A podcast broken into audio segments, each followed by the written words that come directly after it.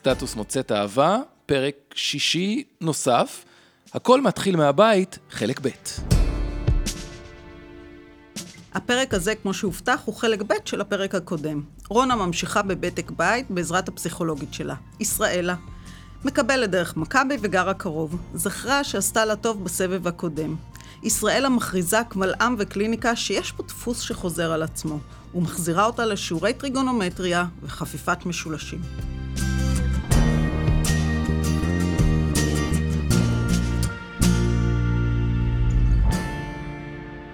הוא בן 70. השמיעה ממזמן כבר לא מי יודע מה. עובדת סלקטיבית. תשובות חד משמעיות, אבל לא לשאלות הנשאלות. דרך למדר את עצמו מהסביבה ואת הסביבה ממנו. עורו זרוע כתמי זקנה, שיער מלבין וסבוך על החזה ועל הגב. מה יש לשיער הגברי שיש לו את הנטייה לנדוד ממקומו ממרומי הראש ולגלוש דרך העורף המתעבה, בואכה הגב ומעלה החזה, שלא לדבר על האוזניים והאף. מעל עיניים חומות, גבות שעליהן איבד ממזמן את השליטה, והשפם הג'ינג'י, שזור שיבה לבנה, חותם ממאה אחרת. בשנים האחרונות, כשהוא מסתכל במראה, אביו המת משתקף אליו חי. בן 94 היה אביו במותו, בשיבה טובה. הוא נולד עם סיומה של המלחמה הגדולה, בתל אביב, באותו יום שהיטלר התאבד, קצת לפני המדינה. עייף ורצוץ כומתה. מאוכזב מכמה שהיא אכזבה. ילד נחמה לאמו, בהמלצת רופא המשפחה, אחרי שאחות בכורה שנפטרה. 70 שנה עברו כדפדוף אקראי באלבומי תמונות עם דפים מתפוררים. מתעדים ילדות בחום ספיה בעיר הלבנה. שני הורים, שני ילדים, על מרפסת קומה השנייה. ילד בתחפושת קובוי בפורים, נעורים בתנועה עם החבר'ה מהגרעין, וקצין חסון יפה בלורית ותואר. זה שבתור ילד, אחותו הגדולה הפחידה אותו בסיפורי רוחות שהשתכנו במיטת סבתם המתה כדי שתוכל לרשת אותה. אותה אחות שגרמה לילדון התמים לסיים את קצבת השוקולד שלו, הימים ימי צנע, ונפנפה בשלה לאחר שסיים. הנער שכתב שירים במרפסת המטבח, שנסגרה לחדר בגודל מטר על מטר וחצי, עם מיטה שתופסת את רובו. פינה משלו. הפך צנחן, גיבור עשוי ללא חת.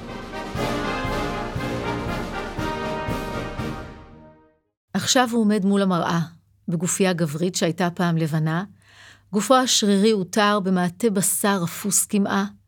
זקיפות הקומה שכחה ועמוד השדרה כואב ממאות צניחות, מתעקם כסימן שאלה, מטריד את גופו בכאב תמידי מפלח כמו אלפי כדורים שפעם ירה. יש לו את האישה הכי יפה מהשבט היריב בתנועה. מגיל 14 הם ביחד.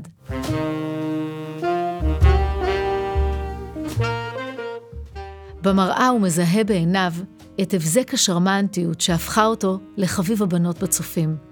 החיילות בחטיבה, ואחר כך החברות של הבת. 22 שנה הוא משוחרר ועדיין חייל בצבא ההגנה של אשתו. תמיד יפרגן לה.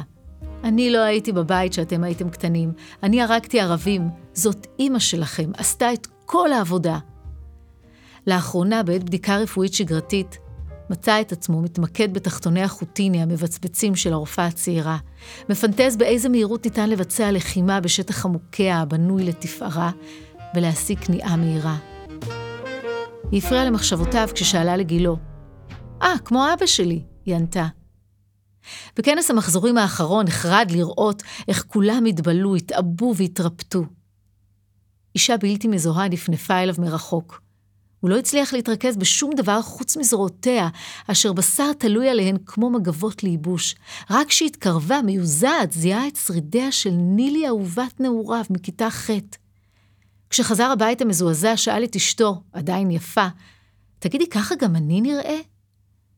דברים שרואים משם לא רואים במראה. רק לשונו נשארה מחודדת כשהייתה, אולי אפילו הושחזה. יורה מילותיו, דוקר במשפטיו. בהומור השמור לנותרים, נוהג לציין כי הפספוס הגדול של חייו הוא שלא נפל בקרב כמו כל האחרים שנשמרו צעירים ויפים וגיבורים לתמיד. ואם אלוהים לוקח את הטובים, מה זה אומר על הנותרים? החיים לא מפנקים את החיים. על כל צרה ליום פקודה מונח האקדח במגירה. אותו לא יראו מפסיד, גם לא במלחמה לזקנה. אחרי עוד יום עבודה, ראשו נופל כבד על חזהו, לא נרדם בשמירה, מנקר על כורסת הטלוויזיה המזמינה, מזפזפ אל ערוץ ההיסטוריה, לעוד תוכנית על יום הפלישה של בנות הברית אל נורמנדי. אלוף משנה במיל.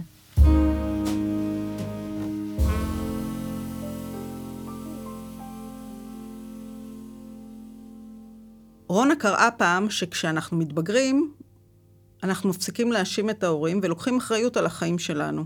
את האחריות לקחה בסופו של דבר, כי לא הייתה לה ממש ברירה. מה שבטוח שמכאן הישועה לא תבוא לה. את הבעל בחרה על פי אותו פורמט, אבל כשיישרה קו עם אמה, בעל נחמד, שלושה ילדים, כלבה, הבינה שהיא לא מתאימה לגרסה. או שהגרסה לא מתאימה לה. כשיש לה הכל, יש לה הכל ובא לה למות. כמו שאמר יחזקאל ב', את סקרנית, חוקרת, מדענית, שואלת שאלות, וכשאת מאבדת עניין, את ממשיכה הלאה. גם בעוד מאה שנה אין מצב שהיא תגייס תחתונים. לפסיכולוגית סיפרה ש... הייתה לי תקופה שברחתי מהבית די הרבה.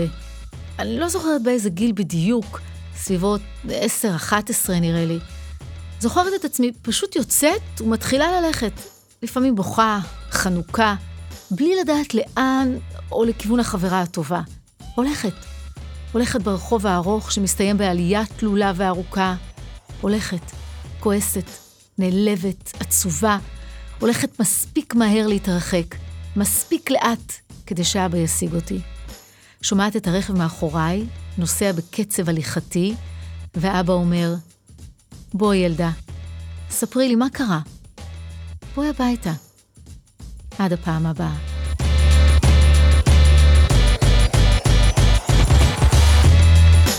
גם אחרי שעות על גבי שעות, במרתף ביתה של הפסיכולוגית, בתעריף מכבי תודה לאל, לא הצליחה לפתור את חוסר היכולת שלה לכתוב כמו שהיא רוצה ולמצוא זוגיות לפי מידתה.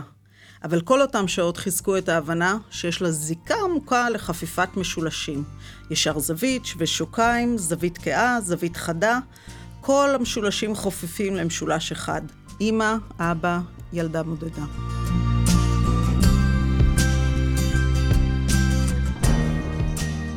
בפרקים הבאים של סטטוס מוצאת אהבה. התהפכה והתהפכה על ספה קרה וצרה מדי להכיל אותה. חושבת, מתי הזמן הנכון להגיד לילדים שהבית שהכירו מתפרק? תחילת חורף. החושך התגנב לדירה ועוטף אותי, ואני מחכה שגם אתה. על המיטה הזוגית הישנה, מעוז הנישואים וכישלונם, ויתרה. סיגריה שאחרי, נו, אין מה לעשות. לפעמים גם אנחנו קצת קלישאה, ולי לא אכפת. אני חופשייה.